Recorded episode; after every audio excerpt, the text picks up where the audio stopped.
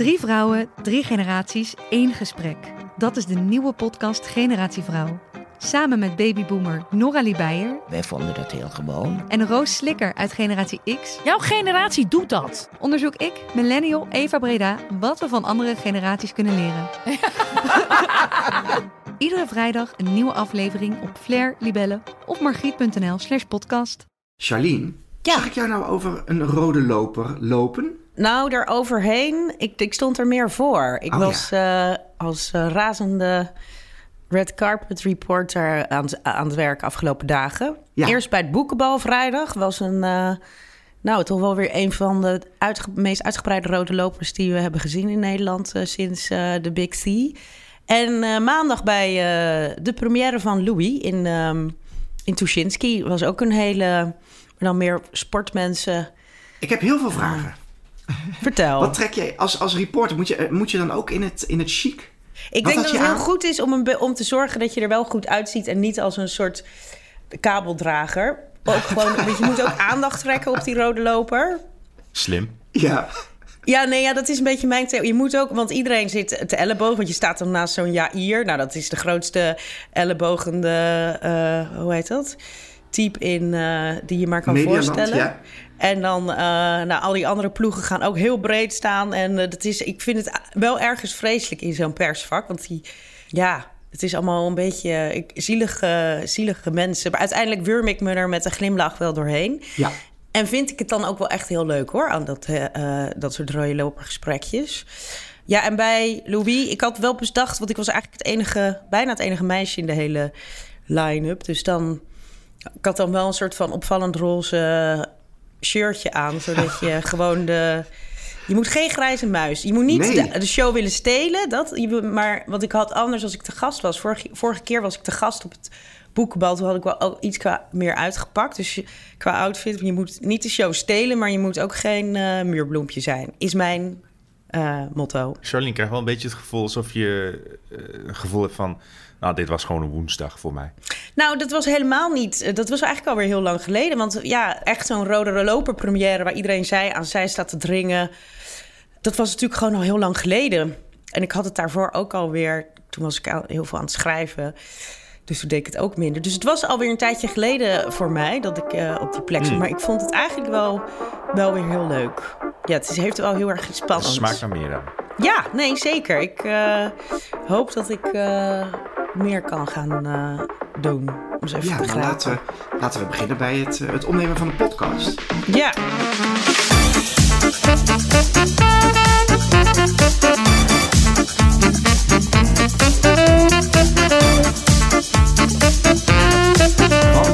Welkom bij Bankplakkers, de podcast over alles wat er te zien is vanaf jouw bank op alle streamingdiensten. Mijn naam is Gijsbert en de beste boekverfilming is, denk ik, toch, ja, gewoon eh, Lord of the Rings. Heb je al die boeken dan ook gelezen? Ja, en de extra boeken en de boeken die over die extra boeken gingen. Ja, zelfs de Silmarillion. Ja, check. ik, nee. ik durf die niet te lezen, want iedereen die zegt altijd dat boek is verschrikkelijk. Ja, en dan, dan kun jij daarna ook zeggen, het boek is verschrikkelijk. Maar dan heb je het wel gelezen en dan kun je je eigen mening daarover Kan je meepraten? Het is lang geleden hoor dat ik het gelezen heb. Maar de, de, de films heb ik laatst gewoon nog weer eh, achter elkaar eh, weg zitten trekken. Ja hoor. Hoi, mijn eh, naam is trouwens Peter Koelewijn en ik had ook de Lord of the Rings staan. dus eh, dat. Nou, Peter, ik, ik liet mij net door mijn collega's gooide ik deze vraag nog even op. En toen zei ik, zeiden, ze, zeiden er drie in koor Harry Potter. Zeg ik, nee, dat zou ik sowieso niet kunnen doen. A, heb ik niks gelezen en maar één film gezien. maar B, weet ik dat, dat jij daar sowieso, eh, dat dat helemaal Ja. jouw afdeling is. Dus ik verbaas mij dat, die, dat je die Ja, eh, ja, de- de onbenoemd Lord laat. The Lord of the Rings die heeft heel veel Oscars gewonnen, maar Harry Potter heeft er geloof ik geen gewonnen. Dus als daar ooit... Misschien voor best eh kostuum of iets, zoiets. Iets, iets Ja, in die technische... ja. Verschil moet er toch misschien. zijn, denk ik. ik. Ik denk ook wel van Harry Potter, weet je, over 10, 20 jaar... dan gaan ze dat gewoon remaken. En dan zullen we wellicht zeggen van... oh, wauw, dit is zoveel beter dan de oude films. Maar laten we daar nu vooral nog niet aan denken. Maar wat heb jij wel, Charlene?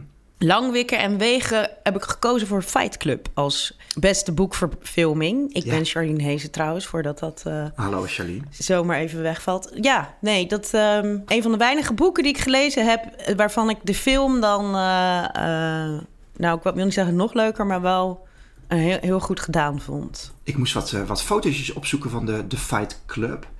Uh, maar die, die, al die acteurs, en dat is heel, die, die zijn er dus nog, of ja, heel jong. Uh, maar die film is ook echt al wel lang geleden mm -hmm. gemaakt. Ja, zeker. Ik was nog zelfs een jonge nou ja, en, en, dat, en Brad, Pitt staat, Brad Pitt staat, volgens mij staat al op de promotiefoto als echt een, een soort Lucifer-achtig typeje, heel jong. En ik vond het wel grappig om te zien. Ja, nee, dat was wel een van zijn eerste. En Edward Norton natuurlijk. Waren allemaal nog uh, mm -hmm. heel fris. Maar, alleen, uh, alleen Meatloaf was wat minder fris toen al. Dat is een andere nee, maar generatie. dat heeft hij helaas nooit... Uh, volgens mij is hij nooit fris geweest. nee. hey jongens, we hebben een, een, een, magisch minuutje. Peter wil graag iets, uh, iets pluggen. Uh, dat mag hij direct uh, straks uh, na het nieuws doen. Um, en we hebben nog drie, drie series en films gekeken. ik heb zelf, als ik mag beginnen, heb ik Single Drunk Female gekeken op Disney+. Plus. En Charlene, wat heb jij gekeken? Dirty Lines op Netflix. Ja, de Nederlandse original. Ja, yes. klopt. Peter. Ik heb op HBO Max Tokyo Vice gekeken. Kun je daar al één of twee dingetjes over zeggen? ja, het gaat over misdaad in Tokio. Nou. En is het ook echt een Japanse nou, is, serie of is het een Amerikaanse productie? Het is een Amerikaanse productie. Uh, er wordt best wat Japans in uh, gesproken. Ook uh, veel Japanse acteurs, Yakuza en alles komt erin langs. Maar daarover straks meer. Laten we in ieder geval beginnen met... Het nieuws. Dankjewel, Debbie. We gaan het hebben over Stranger Things seizoen 4. Want Netflix heeft net een hele dikke nieuwe trailer vrijgegeven van het nieuwe seizoen. Daarin worden ook allerlei details over het verhaal al onthuld. Want ze hielden het tot nu toe lekker mysterieus, zoals dat hoort bij een teaser trailer. In deze nieuwe trailer zie je het nieuwe monster dat uit de Upside Down komt. En dit monster lijkt een soort mummie te worden met allerlei tentakels die uit hem komen. Uh, en de trailer hint er ook naar dat hij het meeste brein is achter de monsteraanvallen uit de vorige seizoenen. Dus uh, zoals Amerikanen dat zeggen, shit's about to go down. maar het moet ook, is dit, uh, is dit het laatste seizoen van, uh, van deze serie? Mm, het op één na laatste seizoen. Ik geloof dat seizoen 4 ook nog uh, eraan komt. Maar ja, ja, de kinderen zijn inmiddels volwassenen geworden. Dus ja, het wordt op een gegeven moment ook. nee, seizoen 5 dan. Want dit is toch seizoen 4 wat nu aankomt? Ja, seizoen 4. Maar er komt er nog een seizoen 5. En ja, om het precies. nog ingewikkelder te maken, seizoen 4 wordt in tweeën gehakt. Ja. Dat zie je ook steeds vaker, hè? Ja, ja sinds, uh, ik weet niet of corona er iets mee ja, te maken heeft. volgens maar mij Netflix sinds heeft corona, dat, ja. Ja, je ziet ook dat andere streamingdiensten aan het experimenteren zijn met uh, ja, hoeveel afleveringen moeten ze vrijgeven. Moeten ze het wekelijks doen of maandelijks? Uh, ja, ik, ik weet niet zeker wat de algoritmes daarover zeggen. Ik weet alleen dat ik het zelf wel jammer vind. Zo, mijn, mijn algoritme zegt in ieder geval dat het bloedirritant is. ja, nou, het, het, al, sowieso al in seizoenen denken is natuurlijk al heel erg 2017. Um, mm-hmm. Maar, maar dan, dan dus wachten tussen, tussen seizoenen vind ik, vind ik vervelend. En dan gaan ze het ook die seizoenen nog een keer opknippen. En ja. straks gaan ze het zo erg opknippen dat de dingen wekelijks uitgezonden worden. En dan zijn we, zijn we terug bij af. Dan zijn we terug bij af, ja. Ja, dat moet ik niet weer gewoon iedere week bord op schoot gaan zitten. Maar... maar je hoeft niet heel erg lang te wachten, want Stranger Things 4, uh, het eerste deel komt uh, 27 mei op Netflix. En het tweede deel komt dan al 1 juli. Dus uh, ruwweg een maand moet je wachten. Oké, waar we niet op hoeven te wachten en wat in ieder geval binnen een minuutje klaar is, is een magisch minuutje. Want Peter, jij, jij, bent, heel, jij bent ergens heel erg enthousiast over. Wil je ook uh, misschien nog even de rubriek, het magisch minuutje, even meteen dan uitleggen? Ja, in het magisch minuutje krijg ik precies 60 seconden de tijd om een, een nieuwe serie of film te pluggen die ik gezien heb. En daarna moet ik gelijk mijn bek houden. Dan mogen we er ook niks meer over vragen. En het nee. is bedoeld om de luisteraar enthousiast te maken over een, een pareltje wat wij, uh, wat wij gezien hebben op de streamingdiensten. Uh, Peter, ik heb een, een, een stopwatch in mijn hand. Dus als jij er klaar voor bent, je hebt gehoest, gedronken, dan mag jij zeggen uh, dat je wil beginnen. Kom maar, kom maar. Our Flag Means Death is uh, de serie die ik gezien heb. Het is een piratencomedy op HBO Max. Het hele seizoen kan je nu kijken. En hoewel de eerste afleveringen een beetje flauw zijn... wordt het echt stukken beter naargaande het seizoen vordert. Uh, Steve Bonnet is de hoofdrolspeler. Uh, hij wordt gespeeld door Rice Darby, een comediant. En hij is een deftig Engels heertje die zijn leven en gezin helemaal beu is. Hij transformeert om tot een piraat en natuurlijk bakt hij daar helemaal niks van. Maar dan komt hij de gevreesde kapitein Blackbeard tegen, gespeeld door Taika Waititi. En om een of andere reden blijft hij rondhangen bij Steve Bonnet en is hij een soort van de coole gast die de jongensclub graag in zijn team wil houden. Uh, de serie wordt gaandeweg uh, een soort drama over zelfacceptatie en ook homoseksualiteit speelt een grote rol. En uh, ik vond dat een hele verrassende wending. En ik hoop dat er gauw een tweede seizoen van Our Flag Means Death wordt aangekondigd. Ik kan helaas niet zoveel zeggen over het verhaal uit angst voor spoilers. Maar je wilt dit super grappige avontuur niet stop, missen. Stop, stop, stop, stop. Wow. Ja. Perfect. Te zien bij, had je dat meegenomen? HBO Max. Ja, ik vind het, uh, ik vind het een goede pitch. Want mm -hmm. Uh, ik moet zeggen, ik heb ook al uh, een beetje ervan mogen zien. En toch zes keer hardop gelachen over, over die kleine paar scènes die ik heb gezien. um, dus ik, Charlene, ben jij van de Piraten? Ik vond Waterworld wel leuk vroeger, maar de Pirates of the Caribbean vind ik bijvoorbeeld. Uh, nee, maar dit, grappig, dit, dit, gaat er gewoon over die wisselwerking tussen die, die nette meneer en, en Blackbeard, die natuurlijk ja. de, de schrik der zeeën is. En, en, en hoogstwaarschijnlijk gaat deze serie, gaan ze heel erg veel van elkaar leren. Um, uh, en worden ze, denk ik, de beste vrienden. Maar goed, dat is voor later. Uh, Peter, ik vind het een goed uh, magisch minuutje. Top. Our flag means death. Ja, uh, Dirty Lines, Charlene. Ja, ik heb hem gezien. De nieuwe Nederlandse Netflix original. In het, uh, helemaal in het Nederlands ook. Het speelt zich af in een best wel leuke periode. Je had inderdaad gelijk. Het eindigt begin van begin jaren 90. En de serie speelt zich net in die laatste paar jaren van de jaren 80 af. In Amsterdam.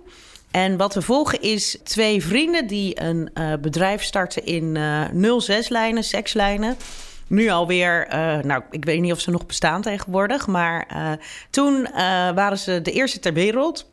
En maar ook een groep studenten met hoofdpersonage Marley. Zij is psychologie, seksuologie student en gaat daar ook. Nou ja, zij gaat in Amsterdam op zichzelf wonen en zij krijgt een baantje bij, die, bij dat bedrijf die al die sekslijnen uitzet.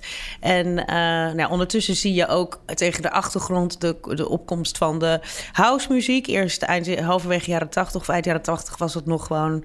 vond iedereen dat nog hele rare herrie. En dan op een gegeven moment slaat dat aan, slaat dat in... Gaat, uh, wordt Roxy geopend en uh, wordt Ecstasy beschikbaar. Ja, en dan krijg je gewoon een hele nieuwe periode. Dus dat is, dat is wel heel erg interessant. En het Amsterdams van, van die tijd, dus alles was best wel uh, smerig. Overal gra graffiti, krakers. Uh, uh, dat hebben ze heel goed gedaan, vind ik. De, de mode en de ja. sfeer is al wel heel erg leuk. Um, ik, ik heb er maar, een paar afleveringen van ja. gezien en dat viel me ook op. Van het, is, het is heel knap gemaakt. Heel, um, heel bij de tijd toe. Ja, een beetje zoals de Spuistraat. Ik even voor de Amsterdam, een beetje mensen die een beetje bekend zijn in Amsterdam. Dat vind ik altijd nog wel een beetje een ranzig straatje, omdat er altijd veel nog kraak panden en een beetje. Mm -hmm. Maar zo zag Amsterdam in de jaren negentig was sowieso, um, ja, volgens mij gewoon allemaal wat, uh, wat ranziger. Of jaren, eind jaren tachtig.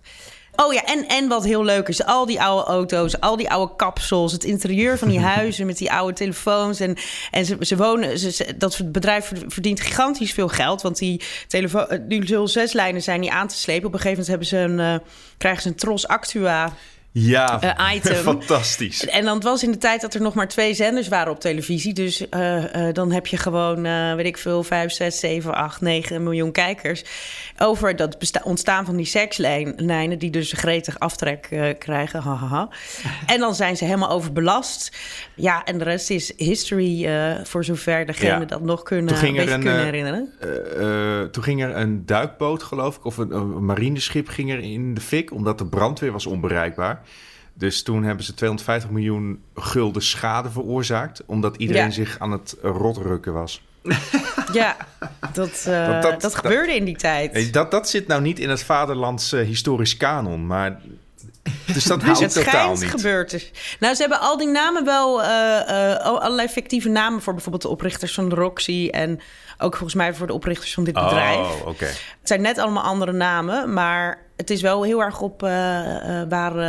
Ehm, gebeurd is. Hey, eh, en de acteurs, want er zijn niet echt kan, acteerkanonnen zitten. Of ik moet zeggen, Nee, niet heel veel bekende gezichten. Voor mij eigenlijk ook niet. Ik, ik volg bij moet je wel altijd ietsje langer meedraaien, wil ik de, de Nederlandse acteurs herkennen. Maar um, nou, de hoofdrol is uh, voor Joy de Lima. Marley Salomon speelt zij. En zij is ook wel echt een. Uh, dat is zo iemand die naar, naar wie je wil blijven kijken. Het is echt een prachtige. Ja, ja. Prachtige meid, maar qua, weet je, alles is zo. Ze heeft altijd een soort van hele mooie glow om zich heen. En op de een of andere manier is zij ook veel mooier, vind ik, dan iedereen. Want iedereen is ook een beetje dirty jaren tachtig kapsel. Er zit allemaal een beetje mhm. waas overheen. En zij is echt een uh, soort van stralend uh, middelpunt. Uh, ik kwam er afgelopen weekend overigens achter dat zij al een sekscolumn schrijft in de Volkskrant iedere week.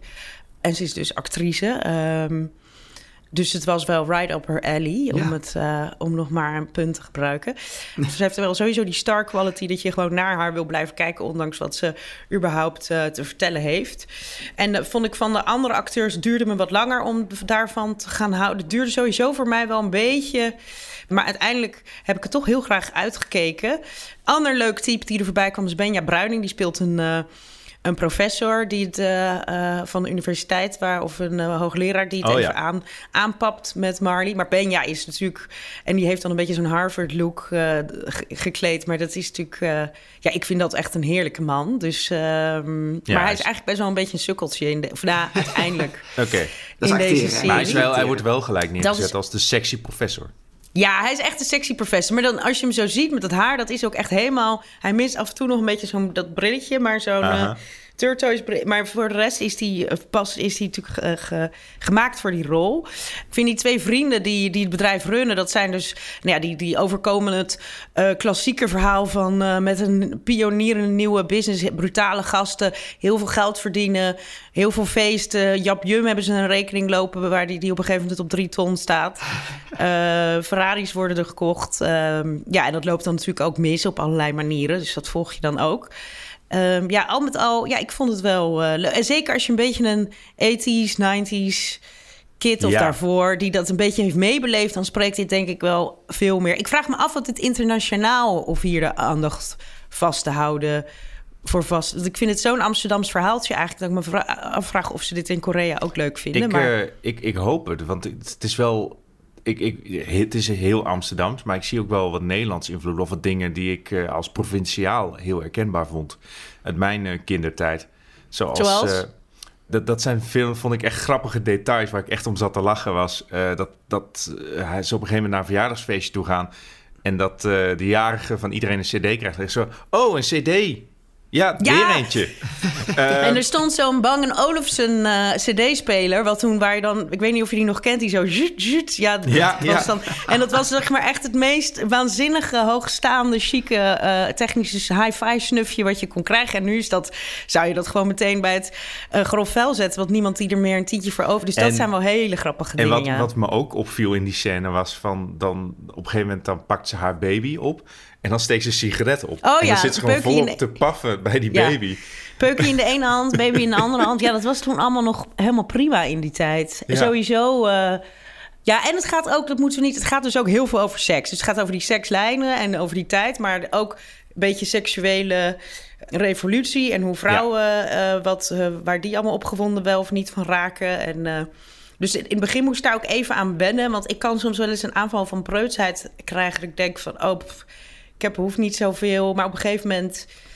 Ja, heb je dat niet van de een kan je beter seksverhalen aanhoren dan van de ander? Weet je, sommigen zeggen, denk je, ik hoef het niet van jou te horen. En dan denk je, oké, ja, maar dit, dit, dit, vond ik ook wel heel erg klassiek Nederlands. Uh, dat, nou, zeker voor die tijd. Want in die tijd, alles wat er toen gemaakt werd, dat was ook allemaal met ja. veel, veel tieten en uh, Het heeft een beetje die, die Dick Maas-achtige vibe. Ja, en, ja uh, exact. Beetje vlodder vibe. Uh, nou, dezelfde stylist zou het kunnen gemaakt goed, hebben. Klinkt goed. Dirty Lines op, op Netflix.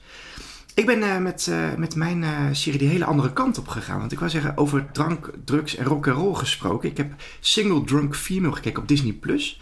Maar die serie gaat eigenlijk precies de omgekeerde kant op van uh, Dirty Lines. Het gaat over een, een 20-jarige dame, Samantha Fink. Zij, uh, zij werkt bij een New Yorks mediabedrijf, maar zij is eigenlijk alcoholiste. Dus als zij dronken op haar werk verschijnt, dan zijn de rapen gaar en wordt zij gedwongen om de enige kans aan te grijpen die ze heeft om, om niet in de gevangenis te belanden. En dat is dat ze een jaar nuchter moet blijven. Ze, ze, gaat dat niet doen in New York. Ze gaat over terug naar, naar huis, naar haar moederlijk huis, ouderlijk huis. Uh, maar daar woont haar overheersende moeder Carol nog. Het klinkt een beetje boring. Maar dat is het juist niet. Het is juist wel verfrissend. Ja, ik zou zeggen, waarom, waarom zou je een serie kijken waar geen drank, drugs en seks in zit? Maar dat is dus precies wat, wat, een, uh, wat iemand doormaakt die uh, ja, een jaar lang sober moet zijn. En waar is, staat dat ouderlijk huis? Was ik even nieuwsgierig naar. Ja, uh, niet, niet in een grote stad. Dus wel maar ergens een plattelandsdorp Ja, zo'n plattelandsdorpje ergens. waar, waar haar moeder woont. En haar moeder die is dus heel overheersend. Vervelend type. die moeder die wordt gespeeld door Ellie Sheedy. Zij, is de, zij speelde in The Breakfast Club. Uh, dus oh. zij, zij kan wel wat. Zij is een van de. Uh, zij, maar, zij is onderdeel van de Brad Pack. Uh, en oh, zij ja. speelt hier een hele vervelende moeder. Die, wat ze heel goed doet, want je, je gaat er meteen. vind je dus super irritant. de hoofdrolspeelster die wordt gespeeld door Sophia Black Delia. Zij speelde in het laatste seizoen ook van Gossip Girl. Maar dat is eigenlijk alweer tien jaar geleden. Dus uh, zij is wel wat ouder geworden. Maar deze serie, zij, zij, doet het goed hoor, de hoofdrolspeels. Maar de, ik vind vooral de bijrolpersonages zijn fantastisch. Uh, Lily Mae Harrington, een, een, iets wat gezette dame, die heeft een fantastische rol. Dat is echt vanaf nu mijn spirit animal. en ja, het, zijn, uh, het, het, het is een seizoen van tien afleveringen uit mijn hoofd. En die heb ik gewoon allemaal doorheen getrokken achter elkaar. En dat is namelijk omdat ze de seizoenen zeggen, ze zeggen dat de afleveringen een half uur duren. Maar als je een beetje goed kunt skippen met intro en aftiteling, dan duren ze eigenlijk maar 20 minuten. En dus ja, ben je er in totaal, denk ik, 200 minuten aan bezig of zo. Het is wel echt het is wel een, een, een beetje een meidenserie hoor. Maar wat ik, wat ik vind dat thema van, oh, ik ben, uh, ik ben een uh, drugs- en een alcohol abuser en ik moet sober worden, is natuurlijk zie je wel echt inderdaad superveel. Of nou over Russian Doll tot aan... Nou, dan moet ik er natuurlijk nu heel veel snel uit mijn uit Nee, maar niet maar, maar het, is, goed, het, het, is een, een thema, en, maar deze, uh, uh, deze pakt het heel goed op. Originele Om, benadering. Ja, omdat ze dus gewoon uh, terug, back, ik wou zeggen backwards gaan. Maar ze, ze gaan dus juist helemaal niet... Het wordt steeds saaier, haar leven. Oh. Omdat zij begrijpt dus ook van, oh ja het feesten zit er gewoon niet meer in als je geen alcohol meer mag drinken. Dus ze probeert het wel, maar dan staat ze op een feestje en dan is iedereen om haar heen dronken. Ja, dat is gewoon niet zo heel erg leuk. En zij nee. vraagt zich dan ook af. Ze heeft dus een, een uh, bij dat New Yorkse mediabedrijf schreef ze heel veel. Zij vraagt zich dan ook af: kan ik nog wel schrijven als ik niet dronken ben? Dat vraag ik me ook regelmatig. Haha, nou ja. Let's not je, find out. Uh, dan Peter. moet je dit, uh, dit zeker gaan, uh, gaan kijken. Dat zeg ik, ik, ik heb het er gewoon doorheen. Het, ik heb ook wel deze serie een beetje ge, ge, ge, gekozen om out of the box een beetje te gaan. En ik vond het wel leuk. Ja, ik weet niet maar kreeg je er juist meer van, zin van om te gaan drinken? Of had je ook zin om aan de Heineken 0.0 ja, te gaan? Goeie vraag. Ik kreeg wel meer zin in drank, drugs en uh, rock'n'roll en seks. en uh, ja, want... Ja, want zit, zit, zit er dan later in de serie... is dat dan de, een beetje ook de, de boodschap van... het is wel een, een, uh, een volvullender leven als je nuchter bent? Of is het juist zo van... oh, mijn leven heeft eigenlijk weinig nut zonder... Mm, daar, gaan ze, daar, gaan ze, daar gaan ze heel goed mee om. En om niet al te veel te spoilen... maar op het laatste, de laatste aflevering... wordt alles opengegooid voor een tweede seizoen. Nice. Dus ze, Meestal moet er in dit soort series ook ergens een, uh, uh, een, uh, een relapse komen. Want als ze nuchter, weet je, als het gaat, net zoals in Euphoria, die, ik bedoel, dan op een gegeven moment is zij weer van de drugs af. Maar als het zo blijft, dan, ja, dan zijn we een beetje uitge Euphoria. Ja, ik, er moet wel weer, weer wat geks gaan gebeuren. Nou, dat is in aflevering 7 krijgen ze dus ook een, een, een terugblik aflevering hoe de hoofdrolspelers elkaar op een hele dronken manier ontmoet hebben. En dan is dus de hele aflevering zit, is alleen maar dronken zijn. En hoewel dat grappig is en leuk, omdat je dus al een aantal afleveringen naar een nuchtere dame hebt zitten kijken, vond ik, ja, vind, ik heb altijd, ik, ik vind het altijd moeilijk als acteurs dronken naspelen. Doen ja. jullie dat niet? Nou, het is een, het is een kunst. Ja, maar heeft iemand het ooit goed gedaan in een serie of een film? Nou, in een dronken of in een soort drugs eh, staat, onder invloed van drugs. Dat hebben wel mensen veel goed, wel een aantal mensen goed nou, gespeeld, zeg maar, zeg maar iemand. Eh, Ginger in Casino bijvoorbeeld, gespeeld door Sharon Stone. Als zij helemaal, s ochtends helemaal uit haar plaat aankomt Ja. rijden bij die villa, Eens, bungalow in Vegas. En dan gaat ze helemaal uit haar naad. Dat is een van mijn favoriete scènes aller tijden, denk ik. Ja, ik heb ook ze- als mensen dat is dus wel, dat is gewoon echt een doorgesnoven junk. Ja. Dat was helemaal... eh, Maar da- dat, ze, dat ze dus met hun ogen gaan rollen en zo. En dat ze hun ogen half dicht hebben. en Zo. Nee, als het echt, als het echt te, te gespeeld wordt, zeg maar. Ja, ik, wil, Ja. ik zou wel eens gewoon een acteur willen hebben die gewoon echt inderdaad even van tevoren een, een lijntje doet. En eh, twaalf shotjes neemt en dan, dan gaat acteren. Nou ja, ze zullen, ik- het zal vast gebeurd zijn. Dat Ja, denk de ik. kunst Method van, acting. de kunst van dronken spelen is doen alsof je niet dronken bent, toch? Dat is toch het hele punt. Want Als Ja, jij toch? dronken bent, dan doe je je uiterste best om normaal over te komen. En daardoor gedraag je je dronken. Ik heb wel een ideetje. Misschien moeten wij een podcast, een hele aflevering opnemen een keer s'avonds. Mhm. Peter, jij weet al waar ik naartoe wil, hè? Charlene, Ja. Charlene, Charlene Nou nog ja, niet. ik ben eh, voor altijd voor slechte ideeën te horen. Dus eh, Heel goed. Eh, dat was eh, Single Drunk Female te zien op eh, Disney+. Plus. En over eh, slechte ideeën. Peter, was het ook een, een slecht idee om naar Tokyo Vice te gaan kijken op HBO Max? Of was het een goed idee? Laat ik maar gelijk met de deur in huis vallen. Het was een goed idee. Oké. Er wordt ook flink wat gezopen in Tokyo Vice. Het gaat over de onderwereld van de Japanse hoofdstad. En het is een, een mix tussen een misdaaddrama en een journalistieke thriller. Eh, het gaat over de jonge Amerikaanse journalist... die probeert door te breken binnen eh, het Japanse eh, misdaadwereldje... om daar een reportage van te doen. Het is ook gebaseerd op een gelijknamig boek Tokyo Vice van Jake Adelstein. En zo heet het hoofdpersonage ook. Deze real-life journalist kreeg het in de jaren 90 ook echt aan de, aan de stok met een van de grootste Yakuza-leiders van Tokio. Nadat hij een groot nieuws over hem onthulde. In de serie is, eh, zijn die details voor ieders veiligheid een beetje aangepast. En eh, het een en ander is ook gedramatiseerd. Er zijn wat fictieve personages bij bedacht. Maar veel van die elementen uit zijn 12 jaar bij een Japanse krant, eh, die zijn nog steeds intact gebleven. En dat is wel fascinerend. Jake Adelstein wordt in de serie gespeeld door Ansel Elgort. En je ziet hem de eerste buitenlandse misdaadverslaggever worden van de politieperspool in Tokio. Zo, zo komt hij dan ook als, als een beginnend lid van, eh, van de journalistiek in contact met de Yakuza. En ook een eh, vriendin die in een hostessclub werkt, die eh, beschermingsgeld aan de Yakuza moet betalen. De stad zelf is, is ook een, een personage op zich. Want, en dat is wel eerlijk, het is een westerse productie. En meestal hebben Amerikanen de neiging om Tokio als dit, dit technologisch super geavanceerd eh, wereldje... Met een, eh, met een soort van mystiek eromheen, eh, om dat zo neer te zetten. Maar Ja. nee, het, is, het, is, het dat heeft niet zo? ook zijn Is dat kant. niet zo dan? Het is, het is een hele un- unieke stad, maar het heeft ook gewoon een onderwereld met ordinaire criminelen. En Precies. wat, wat mij heel goed opviel, Yakuza die worden vaak neergezet als anti-helden. Hè? Een beetje van die soort van ridders of een soort van dieven met een gouden hart. Maar nee, het zijn gewoon ordinaire eh, het is criminelen. gewoon een die- moordbende, toch? ja, zeker. Eh, ze gaan ook gewoon langs winkels om beschermingsgeld te innen.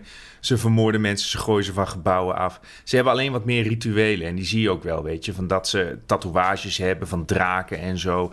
Als een signaal, hoe meer tatoeages jij hebt, hoe meer respect je krijgt. En als je een, een enorme fuck-up hebt begaan... dan moet je een vingercoachje presenteren aan eh, je baas. Eh, dat moet je dan ook gewoon zelf afsnijden met een Oh, eh, mes. Dus ja, dat, dat soort eh, dingen die zijn zeker aan te pas. Maar ik vond met name het journalistieke aspect heel erg interessant van Tokyo Vice. Is het, ehm, is het een verwijzing naar Miami Vice? I- niet per se, nee. Ik denk dat het boek heette gewoon zo. Wat wel toevallig is... Maar het is wel de eh, zedenafdeling dan, neem ik aan. Ja, het gaat wel om... Zedenzaken. Ja, het gaat wel om eh, drugs, eh, mensenhandel en zo. Al die enge dingen die komen eraan te pas. Toevallig zit Michael Mann, die heeft de eerste aflevering geregisseerd. eh, en hij is ook producer.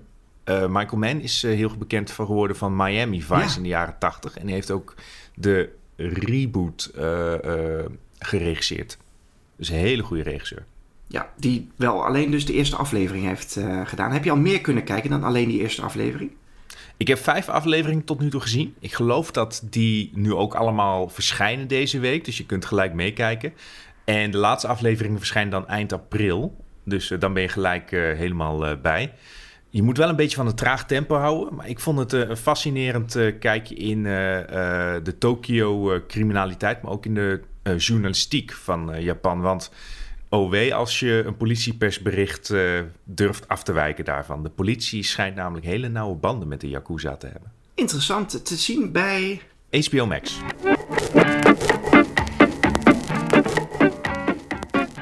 Dan zijn we bij de nieuwe releases eh, aangekomen. Ik, heb wel, ik zat er van de week over te denken.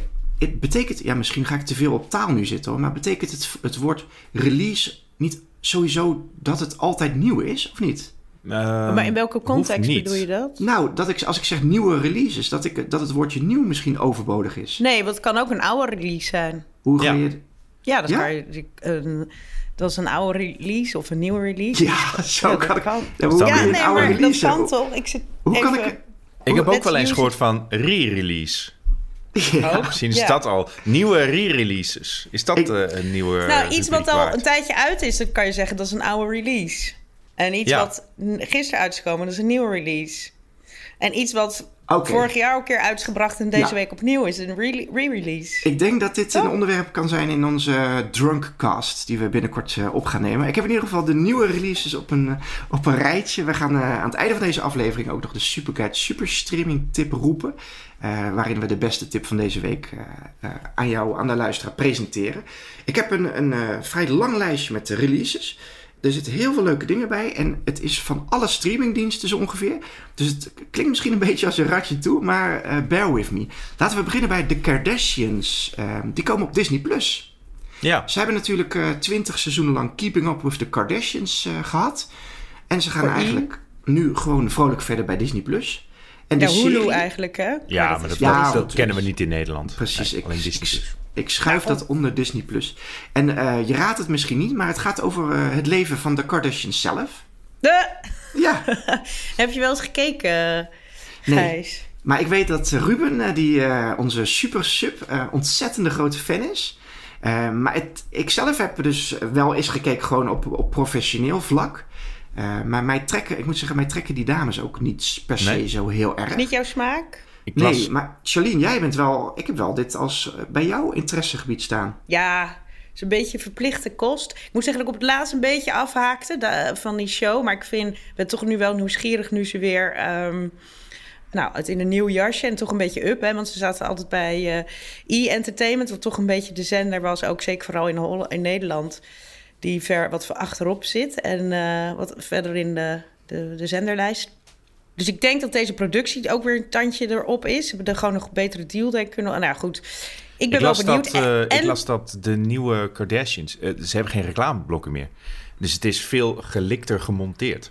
Ja, dat verwacht ik ook wel. eh, de, dat aangezien nu zo die Hulu-productie is, die natuurlijk mooie fictie maken over het algemeen, niet echt reality-experts zijn, dat dat eh, wel weer een niveautje hoger wordt gedeeld. En dat mag ook wel, want zij zijn natuurlijk wel echt de ultieme eh, reality royalty en die moeten de standaard wel hoog houden. Dus ik ben daar naar benieuwd. En ja, het is ongelooflijk hoe die familie Kardashian toch altijd weer hele eh, wilde nieuwe verhaallijnen in hun leven heeft. Zoals bijvoorbeeld met Khloe Kardashian, die Tristan Thomas, die toch even al een, al een vreselijke vreemdganger was. En dan op als room op de slagtaart, eh, wat zeg je? Slagroom Kers op de taart. op de taart, ja. No- kers op de taart. Nog gewoon een andere dame even zwanger maakt. En dan heb je natuurlijk de scheiding tussen Kanye die, en, en Kim en alle de aftermath. Maar jij hebt er heel veel plezier, plezier hierin, hè, Charlene? En Pete Davidson, Oh. die nu dus een... eh, wat vinden jullie dat trouwens voor koppel? Kim en Pete. Ik vind het heel Of heb je raar daar geen mening over? Ik, eh, ik hoop dat ze gelukkig worden. Ja. Of gelukkig zijn. ja.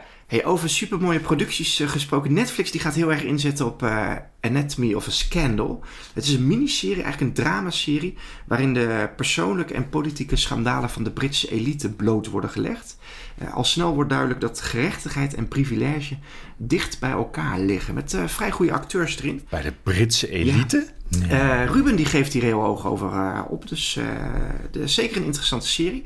Dan hebben we nog een... eh, een eh, Lijkt me super interessant. Ja, Mhm. Nou, misschien eh, weet jij al wat jij deze week eh, gaat kijken. Dus voor de bankplakkers van volgende week.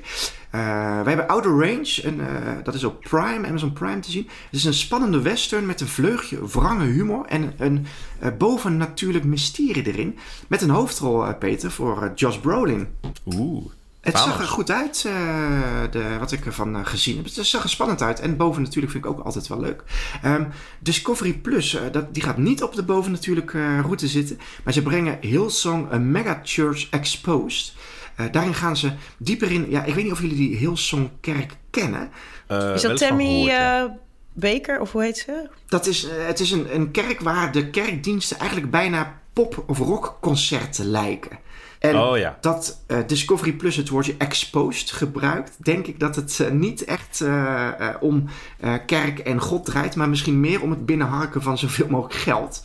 Maar En mooi op tijd voor Pasen wordt dit. ja, nou, daar, daar is dit een leuk, eh, leuk serietje voor. En die, die, die, die Hillsong Church, daar zitten mensen bij als, als Justin Bieber en Kendall Jenner. Oh, dat zijn die niet kerk. Ja, dus Ja, die, dat, we- die, voor, die, die, die hadden een, een priester. nou, Het is geen priester, het is een eh, ja, voorganger. En dat was ook een soort van hele coole Justin Bieber-achtige hippe dude... met Ja. tattoos en een belletje in zijn oor. En, en maar wel helemaal in de Lord. Maar dan uiteindelijk, volgens mij... bleek hij ook een eh, flinke slipper buiten de deur eh, Ik, eh, te maken. ik denk Of dat Jan nu al en wat? Alleman ontmaskerd wordt in deze Discovery Plus serie. Iets heel anders op HBO Max komt een film. Ja, ik weet niet of jullie ervan gehoord hebben. The Batman. Ik heb hem al gezien. Wat is dit? Ja, nee, ik- ik, ik ben niet bekend dit. Nee, hij is dit vrij snel. Ik denk dus dat dit die 45 dagen window is dat hij op HBO Max komt. Robert Pattinson natuurlijk Ja. als Bruce Wayne. Ja, ik hoef daar niet zo heel veel meer over eh, te zeggen. Ehm, op Netflix komt het eh, zesde seizoen, of in ieder geval het eerste deel van het zesde seizoen eh, van Better Call Saul. Het laatste seizoen is dit wel, dus we zijn bijna, bijna klaar. Na de zevende aflevering wordt anderhalve maand gewacht en dan komen dus nog zes afleveringen. Disney Plus die brengt The Dropout. Daar hebben we het ook al een keer eerder over gehad. Dat is dat verhaal van Elizabeth Holmes en Theranos. Dat bedrijf eh, uit Amerika wat, wat altijd claimde dat je met één druppeltje bloed... dat ze daar meer dan 300 ziektes in zouden kunnen herkennen. En dat was ook eh, allemaal eh, gebaseerd op, ja, op leugens. Heel Ja, interessant. dat, die, die technologie bestond helemaal niet, maar ze heeft wel Precies. honderden miljoenen eh opgehaald. nou, miljarden, want het was uiteindelijk... een- Miljarden zelfs. Ja. Ja, het was een unicorn bedrijf meteen, inderdaad. Het, en Elizabeth Holmes wordt ge- gespeeld door Amanda Seyfried. Dus dat is ook wel interessant. Eh, en tenslotte, want het is een lang lijstje, maar wel dus met heel veel leuke programma's. eh, het tweede serie van eh, Russian Doll. Op Netflix. Ja, dat, de Russian Doll was in, ja, ik denk dat dat al drie jaar geleden, in 2019 even een, een vrij grote hit. Toen hebben ze even de tijd genomen om een nieuw seizoen op, op te nemen. Het gaat ja, in de basis, Charlene, maar jij weet het misschien beter, over een, Ja, een, een vrouw die in een tijdslus zit. En wel weer een van de eerste grappige series die ik heb gezien over een tijdslus. Dus ja, ik, vond hem, wel- nou, ik vind haar volgens sowieso heel leuk. Dus daarvoor zou ik wel even gaan kijken. Maar hij is, me een beetje, hij is een beetje bij me weggezakt in de afgelopen jaren. Dus eh, we gaan het zien. Nou, het tweede seizoen eh, binnenkort bij, eh, of deze week bij eh, Netflix. Peter, tromgeroffel. De Wat geluidskluis. Oh, Ja. voor de geluidskluis. Ja, het is eh 6-5, dus de spanning is om te snijden. Eh, laten we gauw de kluisdeur openen.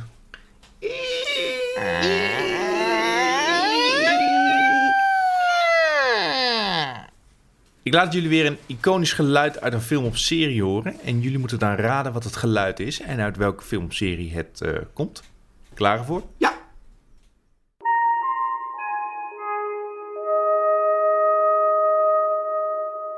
Mooi hè? Er gaan heel veel mensen boos hebben als we het niet goed hebben. Maar Steven gaat ook heel boos worden als, dit, als we dit niet goed hebben. Want dit geluid is toch van... ehm, eh, met die zwarte monoliet. Dit is een vrij iconisch geluid. Oh jee. Ik, eh, ik kies meestal voor de iconische geluiden. Charlene, zeg even eh, die... Nee. Ja, als je een hint hebt. Willen jullie het niet nog, eh, nog ja, eerst nog een weet... keertje horen? Ik, Ja, of misschien eerst de hint en dan nog een keertje horen. Dit is zo bekend. Mag dat? Oh, Oké. Nou, het, de hint is, het heeft met kleuren Ja. te maken.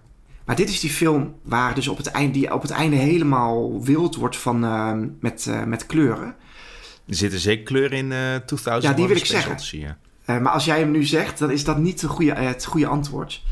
Of Eh, wel. maar- Ja, misschien ben ik wel... Jij denkt dat ik vierdimensionaal aan het schaken ben. Misschien Nee, maar ik ik wel wil sowieso. vijfdimensionaal Ik aan wil de het Space. Odyssey sowieso kiezen. Als die het niet is, dan worden er heel veel mensen heel boos. Want we luisteren nog een keer naar het geluid. want Het is een heel bekend geluid. Pet- Pet- sorry, Peter. Oké, nog een keertje.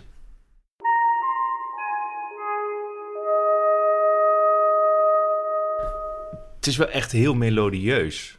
Ja, ik denk dat Steven, eh, voor, de, voor, de, voor de oude luisteraars die, die deze podcast eh, als, als host begonnen is, Ja, de oude, de die, oude podcast. die komt eh, mijn oren ervan aftrekken hoor, als wij dit niet goed hebben.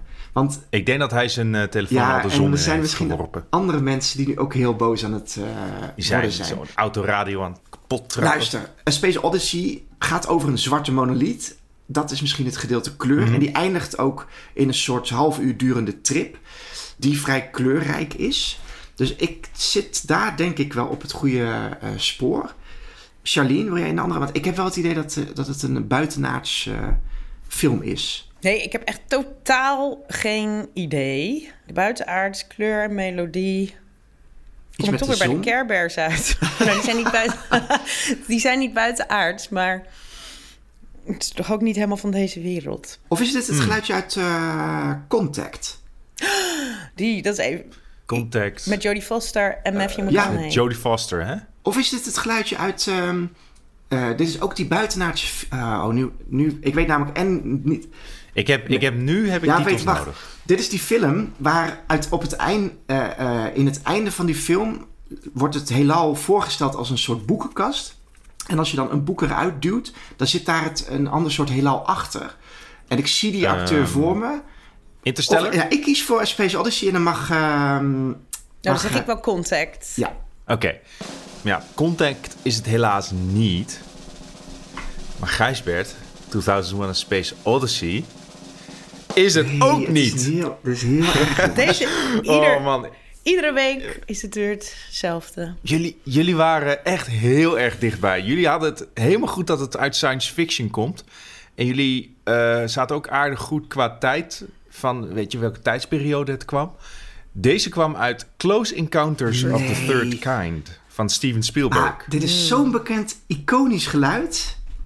En we Ja. hebben mis. Dit is, het, eh, dit is een soort puzzeltje dat de mensen moeten oplossen om eh, Ja. contact te krijgen met de aliens. En het is een, op het eind spelen ze dit op een synthesizer voor een enorme ruimteschip die met allerlei kleurtjes en zo eigenlijk eh, eh, dat ik patroon weergeeft. En Ik heb dit via dat af- patroon kunnen ze Ik heb dit afgelopen jaar nog zitten kijken. Ja. Zo, dit, Nou, ik, ik, ik, ik denk dat Steven als ja, ik denk dat een hoop mensen eh, boos zijn. Mogen we hem... kun je... Ik, Ja, heb nog, een, ik, ik heb nog Ja. wel een leuk weetje erover. John Williams was de componist van de film. Jullie kennen hem waarschijnlijk van Star Wars en Indiana Jones. De muziek heeft hij daar ook voor gemaakt.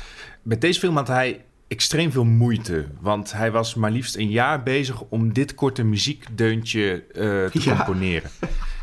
Telkens eh, stuurde Steven Spielberg hem terug, omdat het te lang en te ingewikkeld was. Het moest korter en simpeler.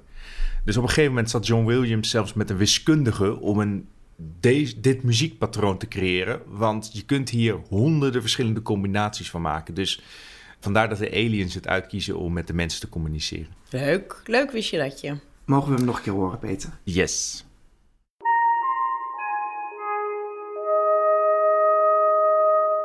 Ik zat toch met mijn contact maken met eh buitenaardse eh, mensen, toch, of, eh, of met aliens, zat ik toch vrij goed. Maar het, het precies, is het, 6-6 is, het is zoals het is. Het spijt me, het spijt ons luisteraars dat we deze toch hebben laten lopen. Ehm, nu moeten we naar, een, eh, naar het, het volgende onderdeel, dat zijn de bankzaken. Daarin hebben we op onze socials uitgevraagd wat eigenlijk de beste Aziatische film is, wat de luisteraars vinden. Eh, daar krijgen we veel antwoorden op. Ik vind het leuk dat Parasite er inmiddels eh, bij zit. Dat, dat, dat, die wordt geplukt door Manuel, Een hele goede 21. Eh, Sandra, eh, ja, die, die zegt Ringu. Thomas Ooms, die, zegt, die vraagt eigenlijk, telt eh, Shang-Chi en The Legend of the Ten Rings ook? Eh, Oldboy, zegt eh, Marcel Dark eh Val. Paul Hazelhoff zegt Infernal Affairs. Ramona Rudamassa zegt New Police Story. The Killer wordt genoemd door Ed Huisman. Marike van Zoelen zegt The Handmaiden. Kikujiru wordt door RGP 84 geroepen.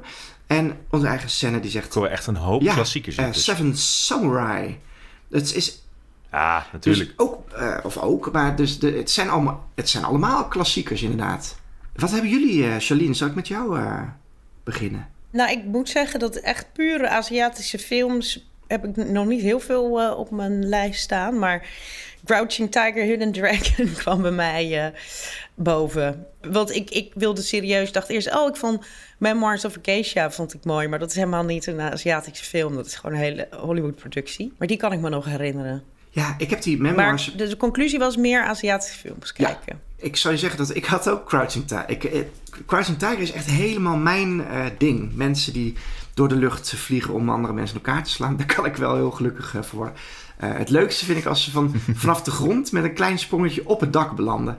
Al zwevend. Nou, dan, eh, dan zit ik te genieten. Peter, als jij, maak jij ehm, drie of heb je een andere film in gedachten? Nee, ik heb een andere film in gedachten. Eh, de Koreaanse film Oldboy wil ik eh, Oké, eh, die werd ook inderdaad eh, genoemd door Marcel Darkval, als ik zijn naam maar goed uitspreek. Ah, een kenner dus, een goede keus. Hey, kun je, neem ons eens mee, wat is dat? eh? Eh, het is wel een tijdje geleden dat ik hem gezien heb, maar wat ik mij herinner is: het is lichtjes gebaseerd op de Count of Monte Cristo. Een man die aan de drank is en zijn eh, familie verwaarloost, die wordt plotseling gekidnapt. En hij wordt gevangen gehouden in een eh, hotelkamer. En daar wordt hij maar liefst, geloof ik, tien jaar Wat? gevangen gehouden. En hij weet niet waarvoor. Dus eh, hij, eh, hij, wordt zo, eh, hij wordt nuchter, hij eh, begint te trainen, want degene die dit hem gedaan heeft, daar gaat hij wraak op nemen. En na tien jaar wordt hij plotseling vrijgelaten. Hij wordt in een koffer, wordt hij echt ergens achtergelaten in een net pak met wat geld in zijn zakken. En dan moet hij maar gaan onderzoeken waarom is hem dit aangedaan? Wie, wie is de boosdoener? En daar komt hij achter. En de zoektocht daar naartoe is fantastisch. Er zitten ook een paar spectaculaire vechtscènes in, want hij is eh, helemaal afgetraind en hij vecht met een klauwhamer. Dus dat is altijd leuk. En eh, ja, ik kan niet vertellen hoe het verhaal loopt, maar ik vond het meeste. Hey, we moeten eigenlijk even kijken of die... Ik vind het een goede tip, eh, Peter, ook. Ja, Spike Lee heeft een Amerikaanse remake gemaakt met eh, Josh Brolin in de hoofdrol. Die zou ik niet aanraden. Ik zou wel absoluut voor Ja, de Koreaanse We gaan even kijken of die ergens op een streamingdienst eh, beschikbaar is. Of dat ga ik in ieder geval doen. En Oldboy schrijf je dan aan elkaar. Eh, nee, twee woorden. eh. Of één woord. Nou, probeer het maar allebei. denk- het zijn hier niet heel veel keuzes. Hè? Het is niet eh, als eh, de wereldvrede op het spel staat dat je hier heel bang want het is of de een of de ander. Maar ehm, eh, we gaan naar de Super Guide Super Streaming Tip. En dat is eigenlijk, heb ik eigenlijk een vraag voor, eh, voor jullie. Hebben jullie Glow hebben jullie een paar jaar geleden Glow gekeken? Ja. Over Ja. die eh, vrouwelijke wel. worstelaars.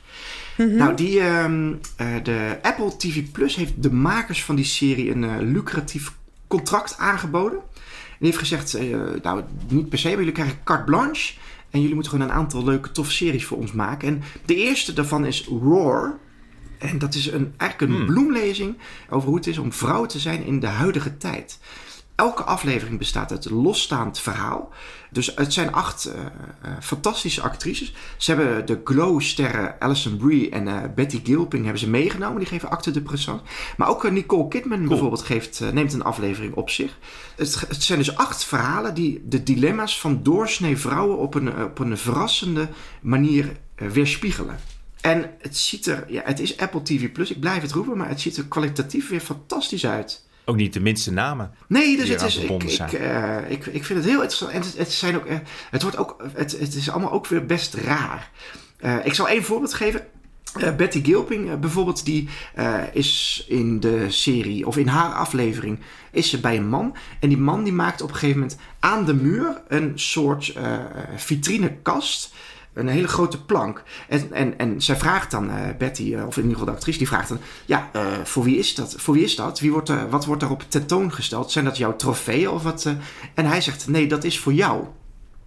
En zij moet daarom lachen. Maar de volgende scène zit zij dus op die plank als een soort eh, trofee. En, en ik denk dat dat, dat geeft dus weer dat, dat sommige mannen hun Dat vrouwen te trophy veel... wife is. Yes. Ja. En dat is dus heel grappig, want zij zit daar aan in die kamer op die plank. En er komen dus gewoon allemaal mensen in die kamer. Die staan gewoon een verjaardag te houden. En dan zit ze daar op die plank. Ik moest daar, ik vond het al heel interessant. Ik denk dat ik het even moet zien. Ja. Uitgebeeld moet zien worden. Het is Roar, eh, R-O-A-R heet het. En het is te zien bij Apple TV+. Plus. We hebben weer heel veel tips erin eh, eh, weten te fietsen in de afgelopen aflevering. Ik wil iedereen bedanken. ehm, Peter natuurlijk en eh Charlene. Ook de luisteraar. Eh, als jullie ons willen bereiken, dan kan het op bankplakkers. Dat kan via Instagram en via Twitter. Het kan ook nog op de ouderwetse manier via bankplakkers.gmail.com. En laat even een review achter als jullie daar zin in hebben. Daar worden wij heel erg door geholpen. Dank jullie wel. Tot volgende week. Bye bye.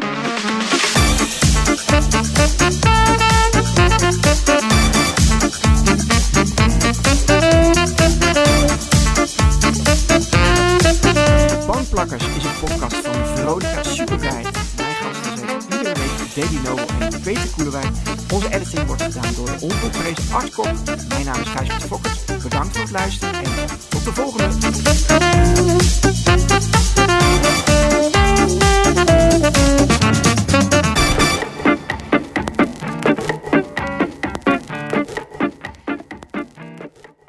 Drie vrouwen, drie generaties, één gesprek. Dat is de nieuwe podcast Generatie Vrouw. Samen met babyboomer Noralie Beijer Wij vonden dat heel gewoon. en Roos Slikker uit Generatie X Jouw generatie doet dat. onderzoek ik, millennial Eva Breda, wat we van andere generaties kunnen leren. Iedere vrijdag een nieuwe aflevering op Flair, Libelle of margriet.nl slash podcast.